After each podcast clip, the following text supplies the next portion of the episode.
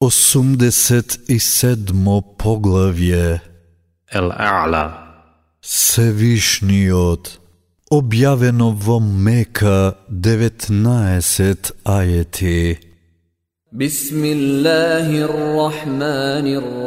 Во името на Аллах, семилосниот, милостивиот.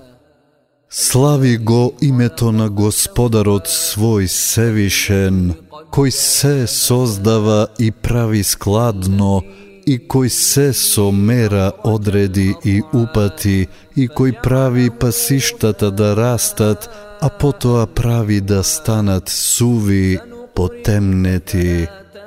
Ние ке те научиме да учиш, па ништо нема да заборавиш, освен тоа што Аллах ке сака, бидејќи тој го знае тоа што јавно го изнесувате и тоа што го криете, и се што е добро, ние тебе достапно ке ти го направиме.